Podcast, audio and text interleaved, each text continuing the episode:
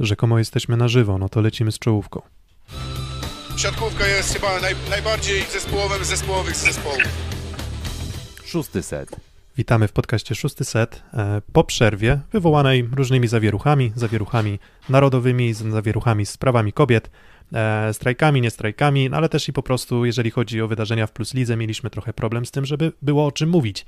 Mm, od naszego ostatniego nagrania upłynęło już co najmniej kilka, na kilka, nie wiem czym nawet nie kilkanaście spotkań i wydaje mi się, że w tym momencie zdecydowanie łatwiej już nam będzie opowiedzieć coś więcej i jesteśmy w stanie pod szyldem kilku takich kluczowych tematów coś nagrać, co będzie miało, mamy nadzieję, więcej mięsa, no i opowiemy Wam o tym w naszym standardowym trujo, trójosobowym, trzyosobowym składzie. Piotr Złoch ze studia w Warszawie. Z Rzeszowa Filip Korfanty. Dokładnie 15 dni minęło od naszej ostatniej transmisji. To wtedy było, kiedy Resowia miała grać z Gdańskiem, a w trakcie transmisji dowiedzieliśmy się, że tego meczu nie będzie. Resowia jeszcze do grania nie wróciła, a my już nadajemy. Cześć. No i... I Kuba Lewandowski z Warszawy, Gdańsk już gra, wszyscy chyba przeszli chorobę, także tref chyba najczęściej gości na naszych antenach, co, co, co chyba cieszy wszystkich kibiców siatkówki. No Gdańsk jest rekordzistą pod względem rozegranych spotkań, także 9 meczów już mają Gdańszczanie na swoim koncie. Tak jakoś niepostrzeżenie to się wydarzyło, a wiecie, my też w sumie wybraliśmy czwartek, dlatego, że nie ma dzisiaj żadnego meczu, bo pamiętacie, że jak nagrywaliśmy ostatnio dwa razy, to chyba dwa razy się wydarzyło, że w trakcie nagrania się dowiedzieliśmy, że mecz zostanie odwołany. No to teraz stwierdziliśmy, że wybierzemy czwartek, nie ma żadnego meczu. Mm, wiemy, że jest mecz Lecha Poznań w europejskich pucharach. Fani piłki nożnej na pewno się spieszą, więc postaramy się streścić do godziny 19. No i tak, z uwagi na to, że trochę w ten sposób teraz ten kalendarz jest organizowany, że te drużyny, które mogą grać, po prostu będą ze sobą grały i nadrabiały te mm, zaległości albo grały awansem co po niektóre mecze, no to tak naprawdę te mecze w ostatnich dwóch tygodniach zgrupowały się wokół kilku zespołów. No i tymi zespołami są Cerratenea Czarni Radom, Ślepsk Malów Suwałki, Trefl Gdańsk, Werwa Warszawa, Orlen Paliwa, pojedyncze mecze Zaksy, pojedyncze mecze Będzina, e, Kuprum Lubin, mm, więc nie będziemy rozmawiać o Resowi, Zawierciu, Skrze, AZS-ie Olsztyn, o Zaksie, bo w zasadzie nie bardzo jest o czym powiedzieć, tak? Po prostu drużyny są na kwarantannie, drużyny albo grać nie mogły z uwagi na szerokie problemy z, mm, ze składem, mm, natomiast problemy nie tylko ze składem i nie tylko z COVID-em, ale także ze swoją grą ma Werwa Warszawa Orlen Paliwa. No i właśnie, pytanie do Was, czy według Was to, że Werwa przegrywa z Radomiem y, bez punktu, to, że Werwa traci punkty z Gdańskiem, to, że Werwa straciła punkty jeszcze wcześniej po samym covidzie z Olsztynem, to, że trochę się męczy z, z, niektórymi rywalami, gdzie wydawało się, że ich przewaga sportowa powinna być niezaprzeczalna, to czy to jest tylko COVID? Jak uważacie? Mm. Nie. Kuba? Dobrze, to ja pierwszy, bo tak czekałem na ciebie, Filip, ale dobra. E, nie, to nie jest na pewno tylko COVID. Paradoksalnie Warszawa jest teraz w dobrej sytuacji, tak? Znaczy w dobrej.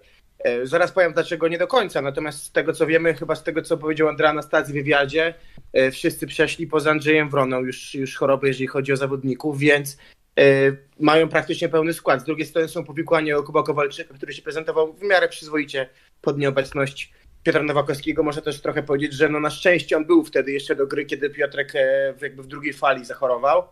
Natomiast no, mamy sytuację, w której Werwa ma bardzo wąski skład Mamy tak naprawdę no, trzech środkowych, z czego no, jeden będzie długo odpoczywał. Ale za, to, ale za to mamy dwóch Michałów Kozłowskich. No mamy, właśnie, dokładnie, więc e, no ale ob, oby też Kuba Kowaczek najszybciej do gry wrócił, ale no mamy sytuację, w której ten skład jest wąski. No i wydaje się, że trzech atakujących w trójkę pewnie no ani łącznie nie stworzą tego, co kiedyś dawał Bartosz Kurek drużynie jeszcze Oniko, albo nawet Maciej Muzaj, kiedy czy, czy, awaryjnie dołączył. No więc... czy, czy, czy Rafael Araujo, tak? Bo on też Dokładnie. przecież grał wtedy naprawdę niezły sezon. Więc myślę, że problem jest na pozycji atakującego. Wszyscy widzą, co jest z rozegraniem, bo wiemy, jaką klasą był Breezer. Myślę, że w ubiegłym sezonie był najlepszym rozgrywającym. No i też y, no, sam Kwolek tego nie pociągnie nie? W, na przyjęciu, więc problemów jest sporo. Myślę, że Andrea Anastazji to widzi, natomiast nie wiem, czy oni są w stanie to przezwyciężyć tak naprawdę w tym sezonie. To jest pytanie do ciebie też, Filip. Mm, na razie na pewno, e, przepraszam, werwie nie sprzyja kalendarz spotkań pod tym kątem, że na razie mieli przeciwników niezbyt mocnych, raczej e, większość z rywali jest taka, którą można by tak ogólnie sklasyfikować gdzieś poniżej połowy tabeli. No i to bardzo źle wygląda, bo popatrzymy na możliwość zdobytych punktów werwy, no to jest raptem 54 możliwe punkty do zdobycia aktualnie. Procenty, A- proc- procenty punktów. 54. Procenty, tak. y, Procenty y, punktów. Tak. Tak. E, A dopiero przez y, werwą te najtrudniejsze mm, mecze. Jak popatrzymy na to, z kim oni teraz grali, no to myślałem, że będzie tego znacznie więcej. Mm, Andrea Anastady sporo ostatnio bywał w mediach, na łamach różnych portali. Kojarzę kilka jego różnych wypowiedzi, które w pewnym stopniu mogą tłumaczyć to, co właśnie dzieje się z zespołem Warszawy. Chociaż od razu trzeba wspomnieć, że to nie tylko Warszawa ma problemy z kontuzjami, z COVID-em i z całą tą, sytua- tą sytuacją. No to takie przykładowe wypowiedzi, które mogą nam jakoś tam światło na formę Warszawy rzucić, no to sytuacja z atakującymi. E, Trener Anastazji mówi o tym, że Jakub Żebrowski wraca po kontuzji łokcia. Mówi o tym, że Michał Superlak to jest zawodnik, który mocno przeszedł y, właśnie zakażenie i fizycznie pewnie jeszcze trochę potrwa, zanim będzie wracał. E, Nie mówi nic akurat o Janie Królu, no ale do Jana Króla chyba można mieć najmniejsze zastrzeżenia, chociaż trochę dziwne to było na pewnym etapie, że w sumie wyglą- wyglą- wyglądało to tak, że to był atakujący najlepszy właśnie po stronie Warszawy, a i tak względnie mało grał. Raczej pełnił rolę strażaka. No i to jest sytuacja z atakującymi. Druga sprawa, o której nawet ty, Piotrek, wspominałeś i z czym w pewnym sensie się Andrea w jednym z wywiadów, to było dla TVP Sport, e, się zgodził, czyli odejście Kevina Tilly, które przełożyło się na to, że balans w przyjęciu musiał bardziej być przesunięty w stronę Bartosza Kwolka. No i Warszawa, wydaje mi się, że na razie traci jeden ze swoich atutów w postaci bardzo dobrego przyjęcia. No właśnie, i to jest taki, taki dobry przykład tego, że można sobie porównywać statystyki, tam mówić, że wiecie, zastanawialiśmy się, drążyliśmy przed sezonem, e, czy Szalpuk da lepszą wartość od Tiliego w ataku, czy da lepszą wartość na bloku. Tyle, że tak, tyle, że jak nie masz przyjęcia, no to co ci po tym, że ten Szalpuk będzie atakował te kilka punktów procentowych nieco lepiej mm, od Kevina Tilly, jeśli jako drużyna Warszawa nie będzie mogła tak często grać środkiem, bo akurat myślę, że do środka i do współpracy na linii Nowakowski, e, Trinidad de Aro i, czy Wrona Trinidad de Aro myślę, że nie można mieć zastrzeżeń, ale już na przykład jest tego środka trochę mniej pewnie niż było w poprzednim sezonie. Jest zdecydowanie mniej też Pipa. Mm, No i w zasadzie pytanie, czy to jest problem, bo tak trochę się, trochę się pojawiają takie tezy, że to jest problem rozgrywającego, że to jest sam e, Hiszpan de, de Aro, który mm, w jakiś sposób kładzie grę, w szczególności do skrzydeł, ale wydaje mi się, że on po prostu ma zdecydowanie mniejszy komfort gry niż e, Antoine Brizard. Z uwagi na właśnie na, na, na przyjęcie, na, na, na to, że Kevina Tilly już po prostu w Warszawie nie ma. A, I czy to jest Grobelny z Kwolkiem, czy Szalpuk z Kwolkiem, czy, mm, czy Król, e, przepraszam, czy, mm, czy Fornal, to, to w zasadzie w każdym z tych zestawień jakieś tam problemy z grą Warszawy się pojawiają. No i, no i pytanie, czy Warszawa to nie wychodzi w tym momencie na drużynę, która po prostu będzie takim ligowym średniakiem plus. Ja myślę, że to, co teraz widzimy właśnie na boiskach, no to jeszcze nie jest to, na co tę drużynę stać. I to też odwołam się do tego, co mówi trener Andrea Anastazji, z czym się trudno nie zgodzić, że oni mają po tej przerwie na kwarantannę dużo meczów, a mało czasu na trening, bo grają co kilka dni. No i jeżeli na przykład nie funkcjonuje ci zgranie rozgrywającego choćby z Bartoszem Kwolkiem, bo tu uważam, że jest jeszcze spore pole do poprawy, yy, nie funkcjonuje tempo grania, uważam, że Trinidad potrafi grać trochę szybciej jeszcze, no to żeby to poprawić, no to trzeba trenować. Trenować na razie nie ma za bardzo kiedy I nie będzie, No, i nie będzie kiedy. i, bo- i nie będzie kiedy, tak, to, to, to prawda i, i na pewno jednym z problemów jest rozgrywający, tylko uważam, że on jest w stanie grać trochę lepiej, tylko po prostu potrzebuje jeszcze trochę czasu. Na pewno różnica jaka jest między nim a Blizzardem jest w tym, co dawał Francuz poza rozegraniem, czyli w bloku i w zagrywce. To, to jest, uważam, no, duża przepaść, której się nadrobić za bardzo w szybkim czasie nie da po prostu. Ale też wiecie co, y, mają trochę czasu teraz paradoksalnie na trening. Znaczy, to też zabrzmi dziwnie, ale no grali we wtorek, pewnie wrócili do Warszawy w środę, czyli mają czwartek, piątek, sobotę, w niedzielę mecz. Z drugiej strony Zawijacie przyjeżdża bez gry, ale no dużo trenowali, tak? No bo myślę, że trenują w pełnym składzie, będą trenować de facto prawie tydzień. No praktycznie, tak? Bo mieli jechać do, do Kędzierzyna praktycznie w pełnym składzie, to miało być we wtorek, więc no kilka dni, sporo mają jakby, jak patrząc na to, że wrócili jakby po, po kwarantannie, no to pa, porównanie do, na przykład do Werwy właśnie, czy do Katowic, to, to Zawiercie ma sporo czasu na treningi. To jest oczywiście trochę eufemizm, skoro mają 5 czy 6 dni, to nie jest dużo czasu, tak, żeby to odbudować, ale No tak, bardzo jestem ciekaw tego spotkania właśnie drużyny, która wraca, miała parę dni na treningi versus drużyna, która jest zgrana, No i jeszcze druga meczowe. sprawa odnośnie Mm, Co jest nadzieją? E, Występ Superlaka z Gdańskiem. Myślę, że jest jakoś tam nadzieją, ale z drugiej strony Superlak to, to jest drugi dopiero dobry jego mecz, tak? Bo Będzin pierwsza kolejka, tak? E, I teraz dopiero w Gdańsku no, wyglądał przyzwoicie, tak? E, Więc dopóki nie będzie lidera, myślę, że na ataku, no to wtedy y, jakby nie ma szans na, na to, żeby w ten sposób grała drużyna.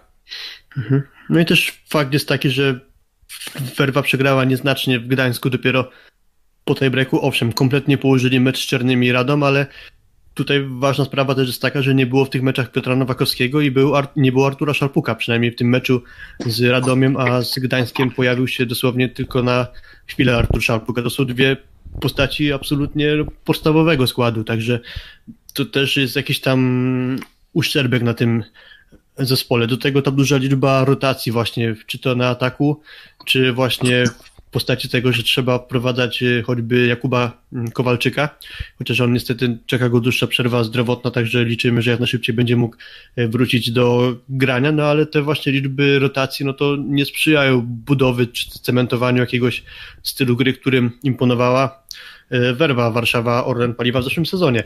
Mm, Teraz Werwa ma już chyba cztery ligowe porażki, tak, cztery ligowe porażki, no to w całym poprzednim sezonie, tym niedokończonym, Warszawianie przegrali tylko trzy razy.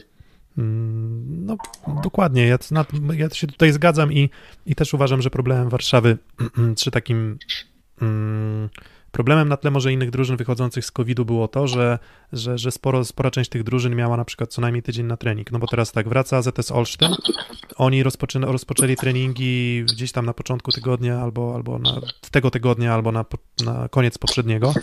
Mm, No i zagrają dopiero mecz e, w niedzielę z, z Kuprum Lubin, tak? I znowu, no Kuprum Lubin też nie jest rywalem, który, który, który może postawić jakieś bardzo wysokie wymagania, jeśli chodzi o, powiedzmy, nie wiem, klasę sportową.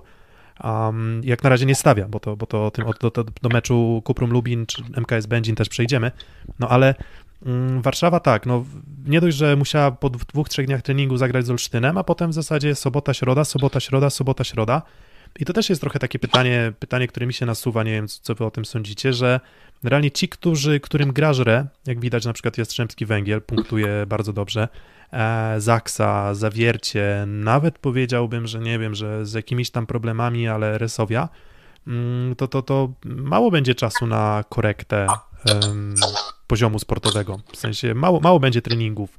To, to, to trochę robi się taki szalony, szalona liga, gdzie nie ma dużo czasu na treningi, będzie jeżdżenie, już się pojawiają takie gdzieś tam zapowiedzi, na przykład Będzin będzie grał mecz chyba w poniedziałek i środę, czy wtorek i czwartek, więc po Poniedziałek dniach. i środę. I o tyle jest ten plus, że będzie po meczu, bo nie pamiętam, gdzie oni mają ten mecz jeden, ale mieli dwa dni później grać w Suwałkach, czekała ich podróż przez dłuższą część Polski, ale ostatecznie doszło do zmiany gospodarza, więc Będzinianie podejmą drużynę z Suwałk akurat u siebie, co jest w sumie korzystne i dla nich, i dla Suwałk, bo z kolei Suwałki chyba trzy dni później zagrają w Nysie, więc zostają po prostu bliżej południa Polski.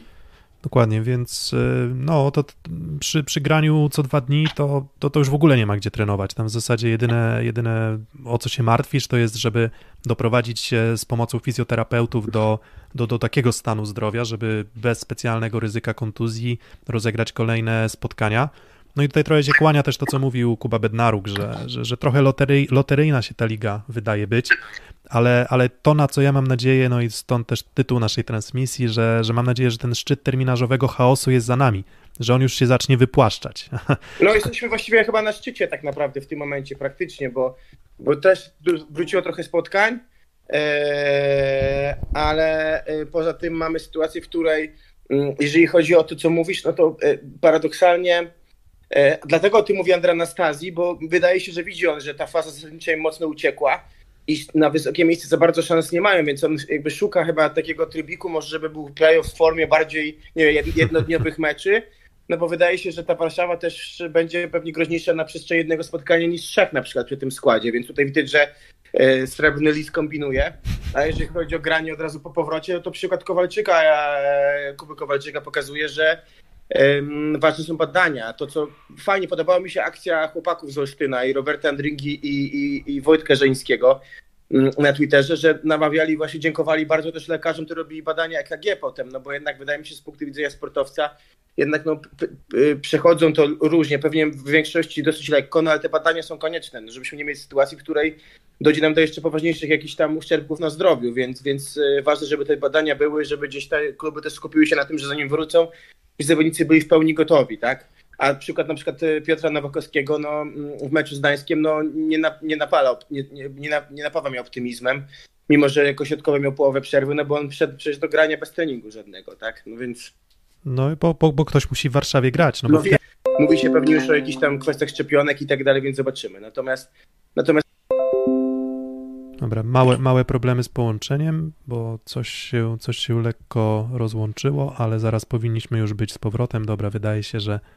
że jesteśmy, tak? Więc, więc Kuba mówi o ryzyku chorób. Łukasz Kaczmarek to jest taki dobry przykład. On chyba grypę bardzo źle przechorował i te powikłania z sercem były powikłaniami właśnie. Mm, wydaje mi się, że nie wiem, czy to nie było zapalenie mięśnia sercowego.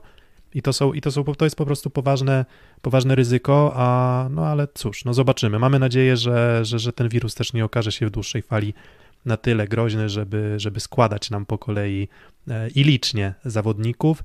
Ponoć nie ma aż tylu przypadków, w których naprawdę źle przechorowaliby zawodnicy. Mm, Na tych już myślę parędziesiąt zawodników, myślę, w lidze.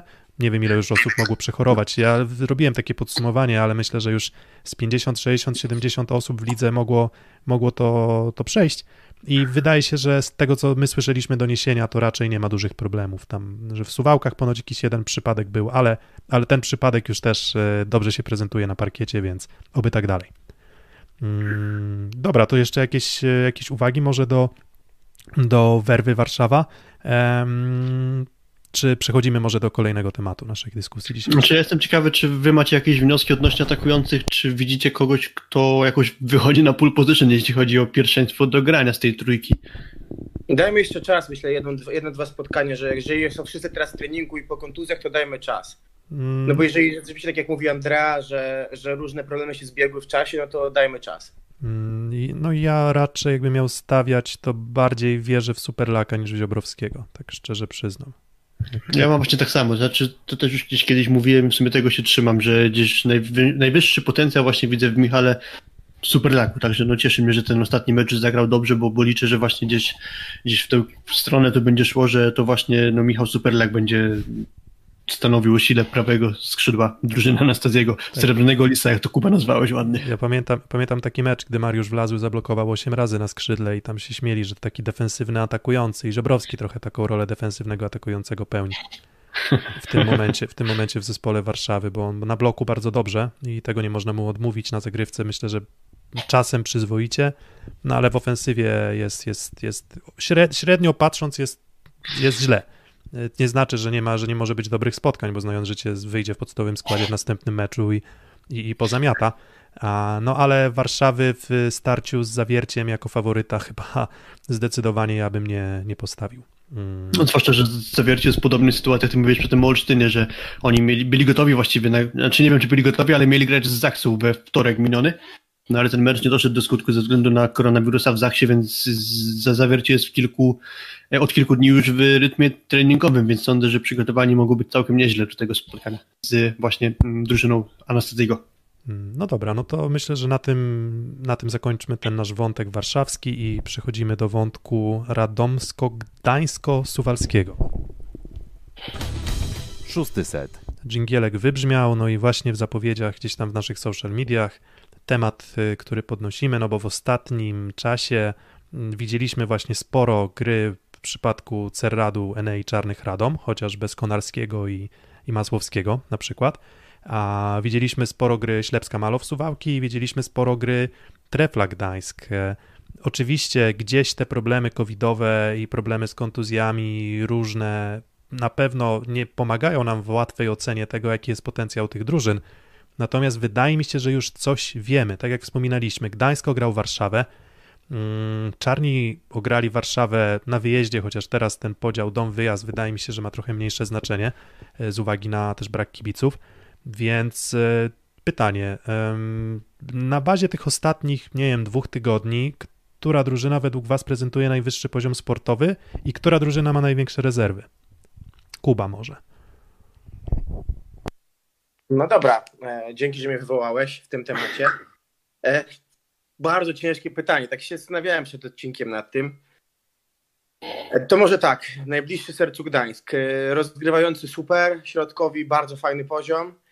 Mm, No i tak, jest Lipiński, który gra w ataku rewelacyjny sezon, tak powiem, nie, będę, nie boję się tego określenia, gra rewelacyjnie. Z drugiej strony Mariusz Wlazły, który faluje to mało powiedziane. No, ma takie momenty, kiedy no, ten pierwszy set w Jastrzębiu, tak, na minus tam, nie wiem, 80% efektywności, chyba coś takiego kojarzy, nie wiem, 0 punktów, tak, w secie. Mimo to przez Lipińskiego ten set wygrany. Potem to się coś tam trochę wyrównało i lepiej zagrał Wlazu w kolejnych setach.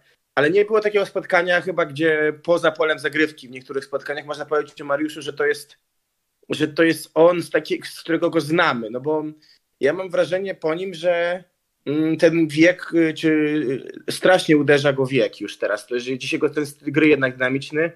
Brakuje tego, a dwa, no strasznie ciężko, często się nadziewa na blok. Jak próbuje atakować po, e, do, mm, do skosu, no to tak często jest zblokowany, chyba jak mało który inny atakujący w lidze. I to jest, nie spodziewałem się, a to jest duży problem dla, dla, dla Gdańska. Czyli, czyli No dobra, to, to może zadam tak pytanie. Postarajmy się odwoływać to w odniesieniu do tych pozostałych y, drużyn. Czy uważasz, Najsłabszy, że tak. Wlazły Wołosz jest najsłabszy? Dobra. dużo lepiej. Mhm. Konarski też lepiej. E, Gąsior, to jest poziom więcej Wlazłego, mi się wydaje, dzisiaj Gąsior na przykład, tak? I to jest dość ciężki chyba wniosek, skoro Tak, to trochę tr- wydawał, pierwszoligowca do, do legendy polskiej siatkówki. wydawałoby się, że to... No, no mów, przepraszam. że wydawałoby się, że trochę uwłaczający dla właśnie dla, dla, dla Mariusza, ale, ale, ale w tym momencie trochę tak to wygląda. No oczywiście lepsza zagrywka i lepszy blok chyba dla złego, no, ale jeżeli, wiadomo. ale jeżeli chodzi o samą skuteczność w ataku, to, to, to, to, no to wiecie, mówiliśmy w naszym Jasnowidzu Plus Ligi, czy Mariusz Wlazły przekroczy 48% skuteczności i to była skuteczność zeszłoroczna Bartosza Filipiaka w parze z Januszem. No jest, No nie, 40, nie ma- jest, nie ma 40, szans na jest to. 45,55, więc no, Nie sądzę. może, może, być, może być niełatwo. Może być niełatwo. Skuteczność skutecznością, ale myślę, że byłby pogrom na niekorzyść, jeśli byśmy wzięli pod uwagę efektywność, bo tam były takie Dokładnie. mecze, gdzie kończył kilka z nich co najmniej chyba na ujemnej efektywności albo gdzieś bliskiej zeru i, i tu jest sporo problemu. E, Generalnie jak właśnie bym się chciał włączyć w tę dyskusję na ten temat, no to uważam, że właśnie w Gdańsku względem tej trójki zespołów, o których mamy dyskutować, to właśnie prawe skrzydło jest największym problemem, bo o Wlazłym już Kuba dużo powiedział, no to popatrzymy na Suwałki. Ja zawsze gdzieś dawałem się poznać jako człowiek, który ma jakieś tam obiekcje wobec Bartłomieja Bołądzia. Tak teraz trochę pójdę w inną stronę, bo uważam, że on gra nawet trochę lepiej niż się spodziewałem. E, Patrząc nawet na poprzedni sezon, więc uważam, że Bartek Bołądź na razie gra dobry sezon w ataku, właśnie trochę lepiej niż sądziłem. Jeśli popatrzymy na Radom, no to Dawid Konarski grał średnio, nawet momentami dobrze, ale uważam, że na takim dłuższym dystansie to wolałbym jednak mimo wszystko tego Dawida Konarskiego, aniżeli tak grającego nierówno Mariusza Wlazłego. No i zastępującego Daniel Gąsior właśnie z dobrej strony też się pokazuje, więc jeśli Radom ma dwóch atakujących, którzy potrafią mm, nie odstawać po prostu, no bo chociażby Daniel Gąsior jest takim zawodnikiem, który przez cztery mecze nie miał zmiennika, a ja przez ani chwilę nie miałem takiego wrażenia, że Daniel Gąsior nadaje się do zmiany. On nie był jakimś super odstającym pozytywnie zawodnikiem na tyle reszty, nie był jakimś takim koniem pociągowym, jak to czasem bywają atakujący, ale ani przez chwilę nie miałem wrażenia, że on coś zawala, że jest jakimś piątym kołem uwozu, także pozytywnie się Gąsior pokazuje. No i z tego obrazu faktycznie mi to wszystko wygląda tak, że największy problem Gdańska w tej trójce drużyn to jest właśnie pozycja atakującego, no bo Kevin Sasak też na razie niewiele dobrego po prostu wnosi. Ale może ja powiem tak, bo trochę za dużo się roz- rozwodziłem o Gdańsku, ale powiem tak. Atakujący najlepszy w Suwałkach, rozgrywający chyba najlepszy Gdańsk równo z Suwałkami, najgorzej w Radomiu to wygląda na razie. Środek, chyba najgorzej wyglądają Suwałki, chociaż Sapiński w, w polu zagrywki wygląda rewelacyjnie, no ale pewnie tutaj postawimy gdzieś równo pomiędzy Gdańskiem a, a Radomiem, a kosztem Suwałk. Przyjmujący, to jest największe chyba pytanie, no bo e, Lipiński jest z tej szóstki pewnie w najlepszej formie, no ale brakuje drugiego do pary, bo Mika się odbudowuje, ale powoli. Reichert przeszedł jako ostatni COVID i na razie nie gra. E, w Suwałkach oni są solidni, ale tam mega rotuje e, Kowal, no bo w ostatnim meczu tak bodajże z Zaksą, tak wychodzi Romka i wychodzi e, Russo, a wcześniej dobrze wyglądali w parze Klinkenberg z Walińskim, więc trochę tak rotuje Kowal. Jeżeli chodzi o Radom, no to był moment, kiedy miał straszny do Aleksander i to się strasznie odbijało na grze, ale ostatnie dwa spotkania zagrał bardzo dobrze i paradoksalnie pewnie na pozycji przyjmujących nazwiskowo wygląda najlepiej Radom, ale tu chyba bym postawił wszędzie równość pomiędzy tymi drużynami, więc tak naprawdę wydaje mi się, że gdzieś biorąc do siebie wszystkie te elementy, to te drużyny są strasznie podobne potencjałowo i chyba na ten moment ja bym postawił osobiście tezę, że to są drużyny na bardzo równym poziomie. Mhm. O wow, ale, ale to taka, wiesz, taka odważna teza, wiesz, tego się nie spodziewałem, Kuba, że tak trochę, trochę, wiesz, trochę przyszydzę. Nie, no wiecie, no. Nie. Wie, Chciałem coś powiedzieć, ale tak wiesz, no ciężko teraz ocenić, no bo nie, no, się o, nie no, dlatego, dlatego wiecie, dlatego, dlatego porozmawiajmy też może trochę, wiecie, o, o też o, o, systemie gry na przykład, tak, no czarni, mm, patrzę, patrzę, też na, patrzę też w statystyki, bo, bo, bo, bo wiadomo, że, że, że z różnymi rywalami też te drużyny grały, ale grały też ze sobą w ostatnich meczach. No i tak, mm, zagrywka. 1,50 asa na set Czarni, 1,54 Ślepsk Malów Suwałki, 1,34 Tref Gdańsk, blisko. Blok 2,14 Czarni, 2,07 mm, Ślepsk, 2,03 Trefl Gdańsk. Znowu w zasadzie wszystko jest w tym samym mniej więcej położonym miejscu. Przyjęcie, tak patrzę z brzegów na te statystyki skrupowane w Plus Lidze, perfekcyjne Czarni 19, Ślepsk 20, Tref Gdańsk 21,4. Um, wszystko jest bardzo równo i, i, i, i, i ja też mam trochę problem z oceną, ale wydaje mi się, że gdzieś te rezerwy chyba największe, wbrew pozorom, widzę w, w Radomiu. Mm, bo moim zdaniem Gdańsk gra w zasadzie to, co może. oczywiście ten Reichert i Mika, e, czy, czy Mika może grać dużo lepiej, nie wiem. Czy Reichert może grać dużo lepiej od Miki teraz? Myślę, że tak, ale wydaje mi się, że w Radomiu gdzieś te rezerwy widzę wydaje mi się, że w tym momencie największe. Tylko, że oni z kolei mają taki problem, że, że, że, że, że u nich to przyjęcie cały czas mi, mi nie pasuje. Uważam, że po prostu to przyjęcie jest za słabe. Ale z drugiej strony, wiecie, no, pytanie, pytanie, czy na dłuższą metę wolelibyście mieć słabsze przyjęcie i lepszą skuteczność w ofensywie i lepszych zawodników od kończenia na wysokiej piłce, czy to przyjęcie lepsze, no ale jednak słabość na, na, na piłkach wystawionych z pola. No bo to trochę do tego się sprowadza ta nasza dyskusja. To też zależy, kim mamy grać po prostu, kto miałby z tego wszystkiego korzystać, czy z tego, że wystawiamy wysokie piłki, czy z tego, czy, że lepiej przyjmujemy, ale fakt, Piotrek, no, wydaje mi się, że największym problemem właśnie Radomia jest przyjęcie i niekoniecznie chodzi mi o konkretnie element przyjęcia zagrywki, ale o grę przyjmujących, no bo mm, Brendan Sander potrafi zagrać genialnie, ale jest bardzo rozchwiany, jeśli chodzi o formę w tym sezonie.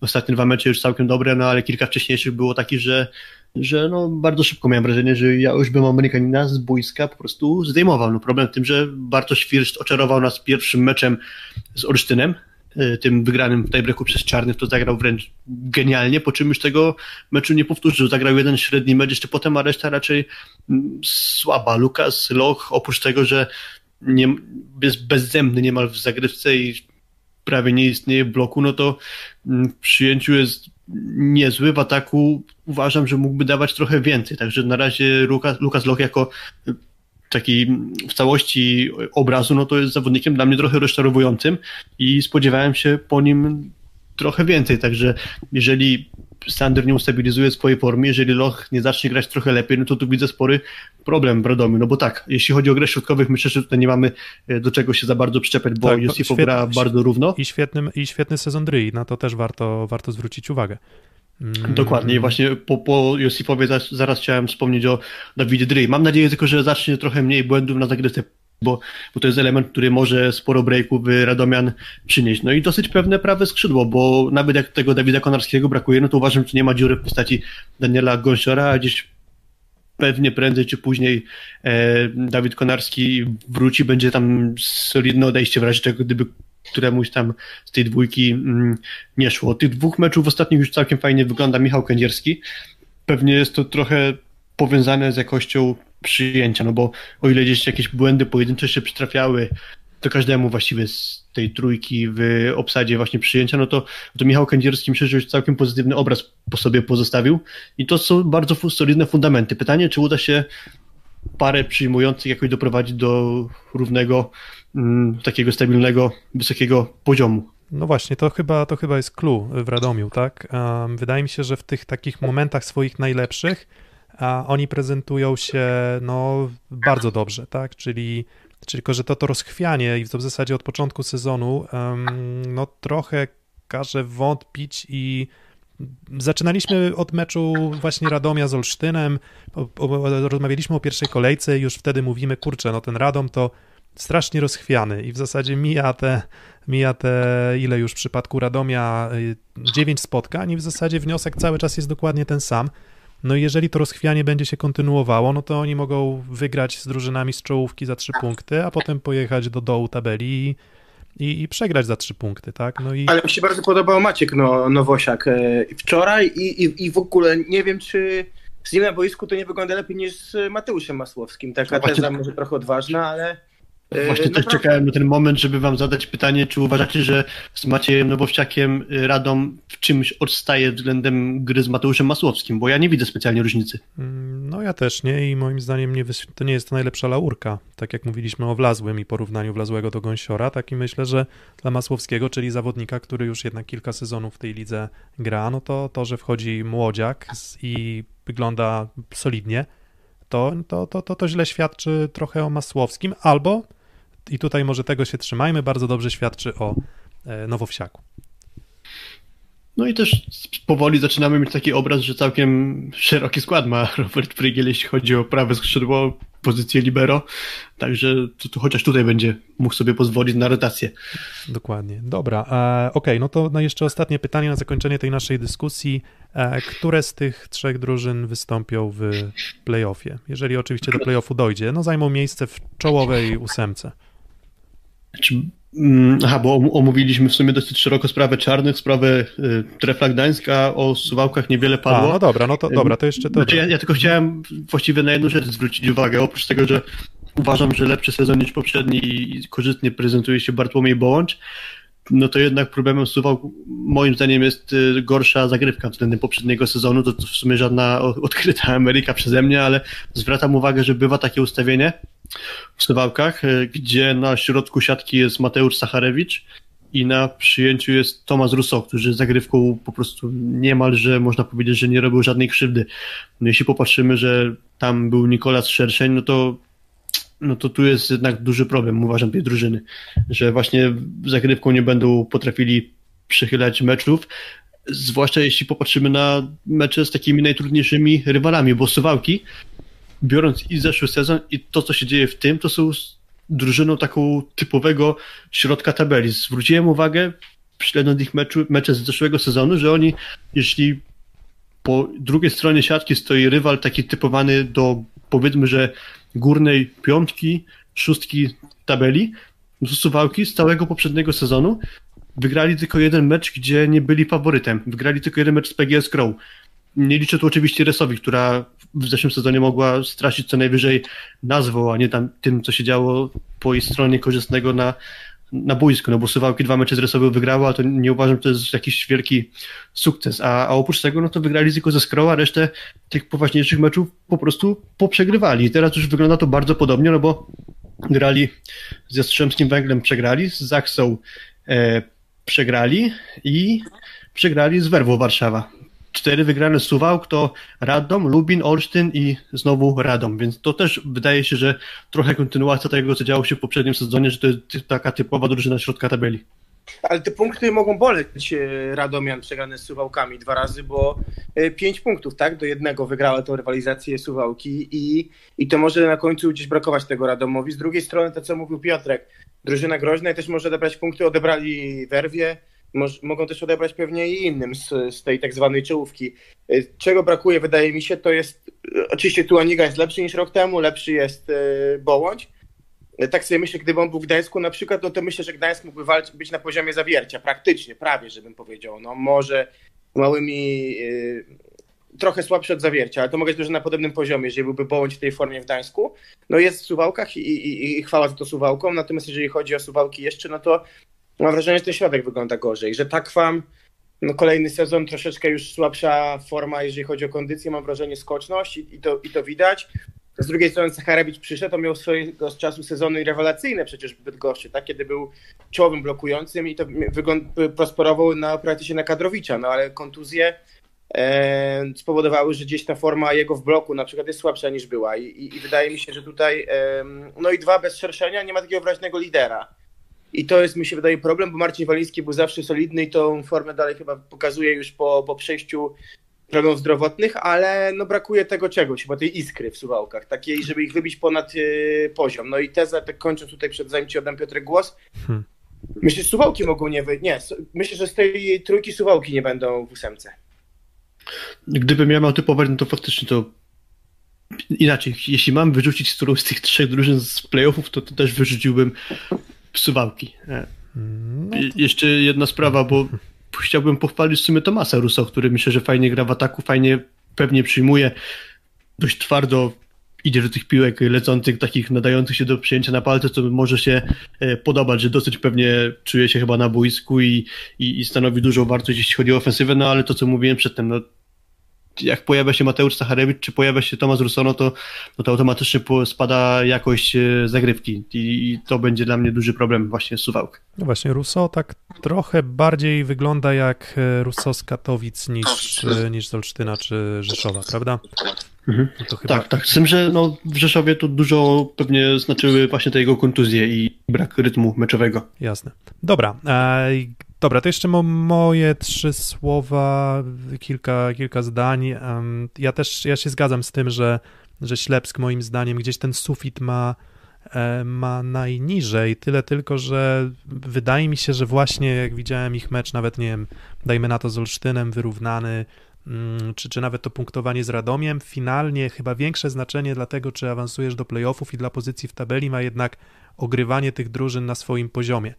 I szczerze przyznam, że myślę, że okej, fajnie jest raz na jakiś czas zwyciężyć z drużyną z górnej części tabeli, ale na dłuższą metę em, to tak jak mówiliśmy o Kuprum Lubin, no fajnie, że Kuprum Lubin urwało punkt w werwie i super, że postawiło się PGS Krzebełchatów, no a jednak Kuprum Lubin jak na razie jest zdecydowanie czerwona latarnia rozgrywek plus ligi, no i rozegrali już swój pierwszy mecz z takim bezpośrednim rywalem o utrzymanie, MKS-em Będzin, no i o tym po dżingielku. Szósty set. Mm, 3 do 1 wygrywa MKS Będzin z KS Kuprum Lubin. Pierwsze starcie w dole tabeli drużyn, które no, myślę, że może nie aspirują, bo to jest złe słowo, ale będą na pewno starały się uniknąć e, spadku. Mm, Zaskoczenie. Mm, Zastanawialiśmy się też trochę na naszej prywatnej konwersacji, czy, czy, czy kto jest faworytem i tak mówiłem, że może jednak Lubin, no ale jednak Lubin bez, bez Tavaresa to też drużyna e, słabsza. Nie, zaskoczenie dla mnie wcale. Ja powiem szczerze, że w końcu zażarło tym Brazylijczykom, bo i Ademar zagrał rewelacyjny mecz. E, Myślę, że jeden z lepszych występów w ogóle w całym sezonie, jeżeli chodzi o wszystkich zawodników indywidualnych, jeżeli chodzi o statystyki, ale to bez znaczenia. Natomiast e, w końcu zażarło, a a w Lublinie się robi gorąco. Fakt, że nie było Tawaresza, wrócił teraz na mecz z Radomiem, no i Radom ma takie momenty w meczu, że wyglądają super. Prawie w każdym meczu. Nie wiem, czy był taki mecz, w którym na przykład bym powiedział, że Radom zagrał cały mecz na przykład słabo, a na przykład Warszawa cały mecz z Radomiem zagrała słabo, więc problem jest chyba taki, że brakuje przeniesienia tego na, na dłuższy wymiar czasu, a, a poza tym tak, Jakubiszak poszedł na środek, zostało nam trzech przyjmujących. Oliveira, no nie. Tęczew jest z roku na rok coraz słabszy. Maruszczyk ma kontuzję. E, No i zostaje biedny Ferenc, który gra bardzo dobry sezon. E, To trzeba mu oddać. No ale on jest sam, no on jest i Jimenez. Jimenez, który robi dobre liczby, ale to jest za- zawodnik jednowymiarowy i widać, że mu czasami brakuje już pod koniec meczu sił, szczególnie kiedy, mm, kiedy grał Magnuszewski i go po prostu no, katował tymi piłkami, bo on jest chyba najczęściej atakującym zawodnikiem e, w lidze. Ja nie wiem, nie mam przed sobą statystyk, ale na pewno dla mnie wizualnie najczęściej jest- jest atakującym wykorzystywanym przez swojego rozgrywającego. No i, no i środek, no Szymon Jakubiszak, który jest, no ma potencjał na środek. Wydaje się, że to nie jest głupi ruch Marcela Frąckowiaka, ale to chyba jeszcze nie ten e, poziom. No i Przemek Smoleński, Dawid Gunia, no to są solidni ligowcy, ale tam no, brakuje mięsa w tej drużynie, no strasznie brakuje mięsa. No, właśnie ruszyłeś ten temat e, Szymona Jakubiszaka i jego przejście na środek siatki, to miałem właśnie przed tą transmisją taką myśl, że jeśli chodzi o elastyczność zmiany pozycji, to znacznie lepiej przenosiny na środek siatki zniósł Damian Schultz w zeszłym sezonie Wasekorysowi. Bo jeśli patrzę na to, jak oni krótko mogli trenować na swojej nowej dla siebie pozycji, no to jednak e, Damian Schultz zrobił na mnie dużo lepsze wrażenie, aniżeli teraz na środku siatki robi właśnie Szymon Jakubiszak, dlatego no, spodziewam się, że jeśli on ma na tej pozycji grać docelowo, no to że jednak będzie dawał dużo więcej, więc uważam, że na razie to jego, ta jego transformacja po prostu na minus. No ale szuka, no nie można odmówić e, trenerowi Kupru Marcelo Frąckowiakowi, że, że szuka, no stara się, stara się tak szyć z tego materiału, który ma. Natomiast, e, no niestety, kto wie, co by było, gdyby nabrali rozpędu po zwycięstwie, na przykład, nie wiem, szokującym zwycięstwie nad PGS Bełchatów. Kto wie, co by było, gdyby tych punktów mieli teraz nie jeden, a na przykład, nie wiem, cztery uszczknięte na samym początku stopem, a potem może już by poszło, poszło łatwiej. No ale to jest albo takie, co ale, tak, to jest albo gdybanie. co byłoby, gdyby w meczu Lubina z MKS-em będzie mógł zagrać Miguel Tavares. Dokładnie. Chociażby. Dokładnie, no ale Miguela, Miguela Tavaresa nie było, no i też no, to, nie był ta, to nie było tak, że ten mecz był jakimś e, dramatycznie złym meczem Lubina moim zdaniem. To nie, ja, ja nie uważam, że to było tak. Tak, że... ja w ogóle patrzę na, na, to, że grał, jak to kiedyś powiedział trener Franciszek Smuta, dwa zespoły, które będą walczyć o spadek, mhm. to dla mnie pozytywnie zaskoczył y, poziom tego meczu. Mi się bardzo przyjemnie to starcie oglądało. Tak, dużo, dużo, dużo skutecznej gry. Myślę, że, że to jest, to, to, to zawsze tak rzutuje trochę na taką ocenę, że jest to, jest to dobre granie, bo no albo to źle świadczy o blokujących obu drużyn, że, że po prostu było tam łatwo kończyć piłki, mm, albo po prostu dobrze mówi to też i o rozgrywających i o, i o skrzydłowych, no i na przykład w Będzinie e, Faryna i Ademar Santana, no to jeżeli będą grać tak jak zagrali z Lubinem, no to, to wydaje mi się, że to utrzymanie raczej w Będzin powinien powinien wyszarpać, bo, bo, bo nie, nie, ciężko jest się doczepić akurat w tym konkretnym meczu do, do, i, i, albo do Faryny, albo do, do Santany. No, no jak można się doczepić do zawodnika, który nie popełnia ani jednego błędu i ani razu nie zostaje zablokowany w no, kluczowym momencie, a właśnie na 32 ataki, a to właśnie sukces e, Santany. Mhm. No i też trzeba przyznać od razu, że jeśli oni jakoś celowali z formą w konkretny moment sezonu, a nie wiem, czy celowali, może tak szczęśliwie wyszło, no to wycelowali najlepiej chyba jak się dało, no bo bądź co bądź uważam, że dla Będzina takie mecze jak właśnie z Lubinem to jest jeden z tych kluczowych w walce o utrzymanie, a w najbliższy poniedziałek zagrają ze Stalą Nysa, to też jest rywal też kluczowy w walce o utrzymanie, tak sądzę, no i dwa dni później z Suwałkami. To też jest drużyna, uważam, że przynajmniej do jakiegoś z potencjałem na uszczknięcie im punktu, dlatego ta forma tych dwóch skrzydłowych, właśnie Ademara i Faryny, przyszła chyba w idealnym momencie. No forma, forma dwóch skrzydłowych, ale też w sumie można by powiedzieć, że jakby forma e, czy taktyka gry MKS-u Będzin, bo, bo gdzieś tam wydaje mi się, że na początku sezonu trochę więcej Sobańskiego było w ofensywie, no a, a bez specjalnego kombinowania, ani dużo środka, ani dużo Sobańskiego, tylko gramy Faryna, Santana, Faryna, Santana, e, no i w sumie co, no wystarczyło. Ty, ty, ty, tyle, mhm. tyle, tyle wystarczyło na Lubin, który moim zdaniem, no, pokazują to też statystyki, ale oni mają trochę problem ze swoją zagrywką. W sensie zwróćcie uwagę, że nie wiem, no, grali z Olsztynem, Olsztyn też był po, po, po fali kilku porażek i generalnie bardzo nieciekawej gry. I, i, i, czasem wydawało, wydawało się, że wystarczy na Olsztyn odrobinę siąść właśnie tą zagrywką, żeby cała gra się posypała. No a tutaj wystarczało. E, z MKS-em Będzin też, no raczej Santana trochę się w przyjęciu męczył, to nie jest tak, że Gregorowicz jest jakąś skałą a, i też można było to wykorzystać, a Lubin mimo wszystko jakoś tego nie, nie wykorzystywał, tak, no i, no i wydaje mi się, że czasem te drużyny z dołu tabeli właśnie zagrywką potrafią e, wyrównać taki powiedzmy wizualny chociaż poziom, wizualną różnicę pomiędzy nimi a zespołami z wyższej części tabeli, no ale Lubin tego, tego nie potrafi i, i powoli zaczynam się zastanawiać, jakie tak naprawdę argumenty ma też Lubin na, na dalszą poprawę gry, no bo, bo, bo, bo nie, widzę, nie widzę takiej osoby w Pęczewie, nie widzę takiej osoby w, w Oliwejrze, nie widzę takiej osoby w Jakubiszaku, tak, więc będzie grał Gunia, Smoliński, będzie grał Makoś czy, czy, czy, czy Szymura, e, Trudno powiedzieć, znaczy inaczej, trudno oczekiwać, że Jimenez będzie grał jeszcze lepiej, bo uważam, że gra bardzo tak, dobrze tak, na to prawda, takie to warunki, prawda. jakie ma. No właśnie, no to, no to gdzie? gdzie? Gdzie gdzie są rezerwy? Bo, bo, bo moim zdaniem nie ma. No to nie wiem, to może pora zadać sobie to pytanie, które wam zadałem na Messengerze z czystej ciekawości właśnie, czy jeżeli Lubin przegra najbliższy mecz z Olsztynem, to czy to będzie ostatni ich mecz pod wodzą Marcelo Frąckowiaka? No myślę, że bardzo duża jest szansa. No bo co, jedyny, kto może dać jakość, to jest Maruszczyk, ale... Ja- Ale ma kontuzję barku, co raczej dobrze nie wróży. No dokładnie, to jest raz, a dwa, no poprzedni sezon był fajnie, fajnie, ale on też był nieznany i to jest zawodnik, który nie ma też warunków fizycznych, więc y, on może dać pewnie sporo gry na dobrym przyjęciu, ale z wysokich piłek on tego raczej nie zmieni, nie wiem. Wydaje mi się, że tak, że koniec Marcela Frąckowiaka jest bliski, Mm, no bo sytuacja jest coraz trudniejsza, tak naprawdę tylko jeszcze Lubin i, i Nysa nie mają wygranej.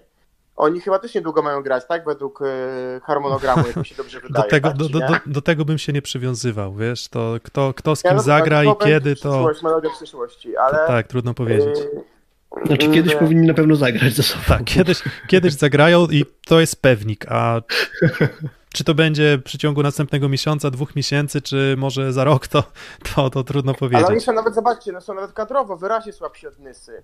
Bo akurat tak jak z Będzinem można było mieć wątpliwości, mieliśmy wątpliwości pewnie przed sezonem, tak? Od Nysy oni są słabsi kadrowo, bo nie mają Lemańskiego, nie mają Filipa, no okej, mają dobrego atakującego, ale no są chyba słabsi trochę kadrowo dalej od Nysy, więc no ciężary, powiem szczerze, ciężary w Lublinie. No, Wiecie, to jest tym bardziej może trochę w pewnym sensie przykre, że patrzysz na grę tego zespołu i, i nie masz chyba takiego wrażenia, że oni jakoś bardzo dołują, że to jest zespół, który nie pasuje do tej ligi jakoś ogromnie, a mimo tego, że prezentują całkiem niezłą siatkówkę, no to potem patrzysz na bilans wygranych i widzisz takie, taką kreskę okrągłą za, zapętlającą się, czyli, czyli zero, a pamiętam też początek ich sezonu, gdzie oni pierwszy mecz grali u siebie, bo dwa mecze nawet grali u siebie. Pierwszy z Bełchatowem, gdzie wygrali pierwszego seta całkiem pewnie, a z tych trzech pozostałych dwa przegrali różnicą dwóch punktów. Jeden set przegrany tylko trzema punktami, więc tam jakoś nie dużo brakło do tego, żeby co najmniej jedno oczko sobie wyszarpać, po czym przyszedł mecz z Werwą Warszawa. Lubin prowadził 2 do 0, potem przyszedł tu tiebreak i w tiebreaku prowadzili 11-9, więc to już też było całkiem niedużo tak, wiesz co, ale, od wygranej. ale jak tak, jak tak słucham, to trochę nasuwa mi się em, piosenka Kazika, nie wiem, czy kojarzycie, że tam gdyby nie Gdy- słupek, gdyby nie poprzeczka, tak? No i on tam właśnie wymienia całą litanię tego, co było gdyby, no ale jak na razie, no nie ma co gdybać, Kuprum Lubin jest najgorszą drużyną ligi, Um, i, no i wydaje mi się, że właśnie gdzieś w powrocie Tavaresa i w tym, że po prostu no, ich poziom gry mm, może jest w stanie dać im szansę na rywalizowanie z Nysą. Natomiast zwróćcie uwagę, w zeszłym sezonie też mówiliśmy o Bydgoszczy, że w sumie mm, postawiliśmy poprzeczkę oczekiwań tak nisko, że mówiliśmy, że no wiecie co, no w zasadzie ta, Nys, ta, ta Bydgoszcz to nie wygląda tak źle.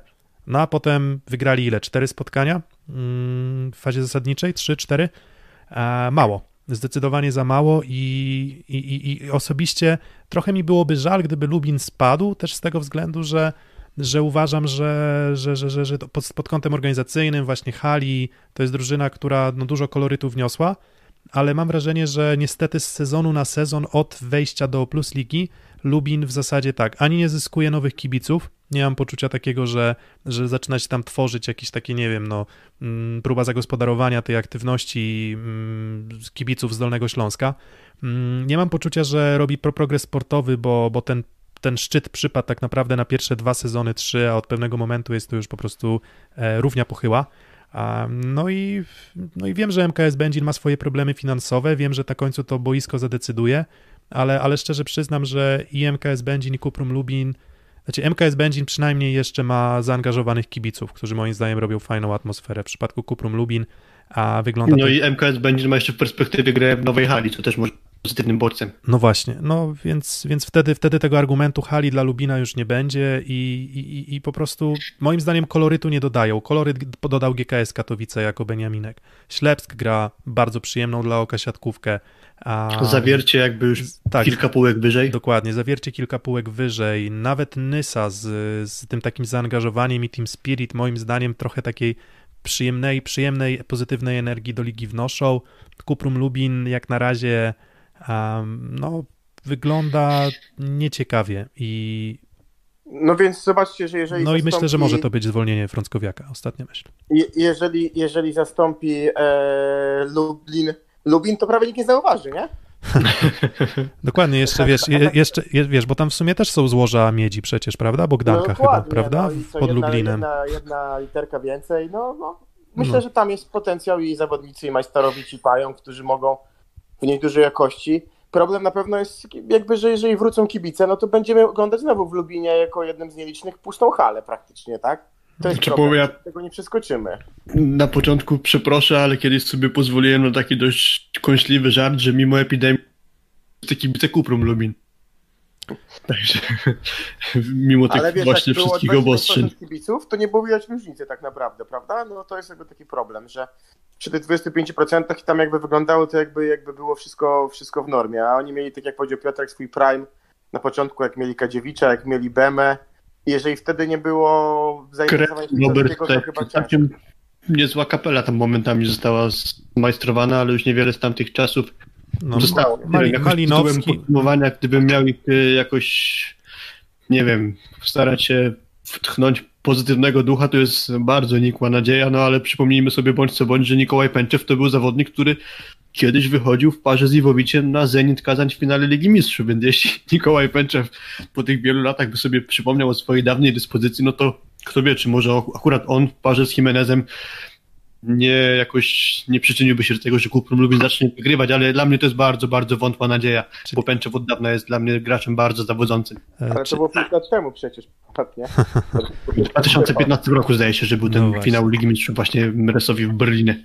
czyli co, czyli Jerzy Brzęczek e, próbuje, mm, no oczekuje tego, że Piotr, Piotrowi Zielińskiemu coś się przestawi w głowie, chociaż wygląda na to, że, że, że akurat ten środek pola wygląda zaskakująco lepiej w reprezentacji Polski w piłkę nożną, E, no a Marcelo Frąckowiak musi liczyć na to, że coś się przestawi w głowie Niko Pęczewowi. Moim zdaniem to nie jest kwestia głowy, tylko nóg już w tym momencie i po prostu gdzieś słabnącej, słabnącej formy fizycznej Bułgara. Dobra, no to Ale chyba... to, tak jak mówisz o tym piłkarskim, to tak jakby oczekiwać, że Błaszczykowski jako wróci do formy z 15 roku będzie takim liderem. To jest moim zdaniem podobny poziom porównania. No dokładnie, No, no. A jak mówiliśmy o posadzie Marcelo Frąckowiaka, no to kto wie, czy jakby pozytywnego, do uzyskania przez niego pozytywnego obrazu może się okazać, że będzie konieczna książka autorstwa Małgorzaty Domagalik na jego temat. No dokładnie. No. Jak to, jak to, jak to, wiesz, i ciekawe, co byśmy tam zobaczyli, czy Niko Pęczew jest takim e, Matijem Kazijskim Kuprum Lubin? Czym nie wiem, wiecie, może tak Marcelo Frąckowiak świetnie tańczy. No właśnie, Ale- kurczę, nie wiem, nie wiem, trudno mi powiedzieć, ale, ale myślę, że już Sambę.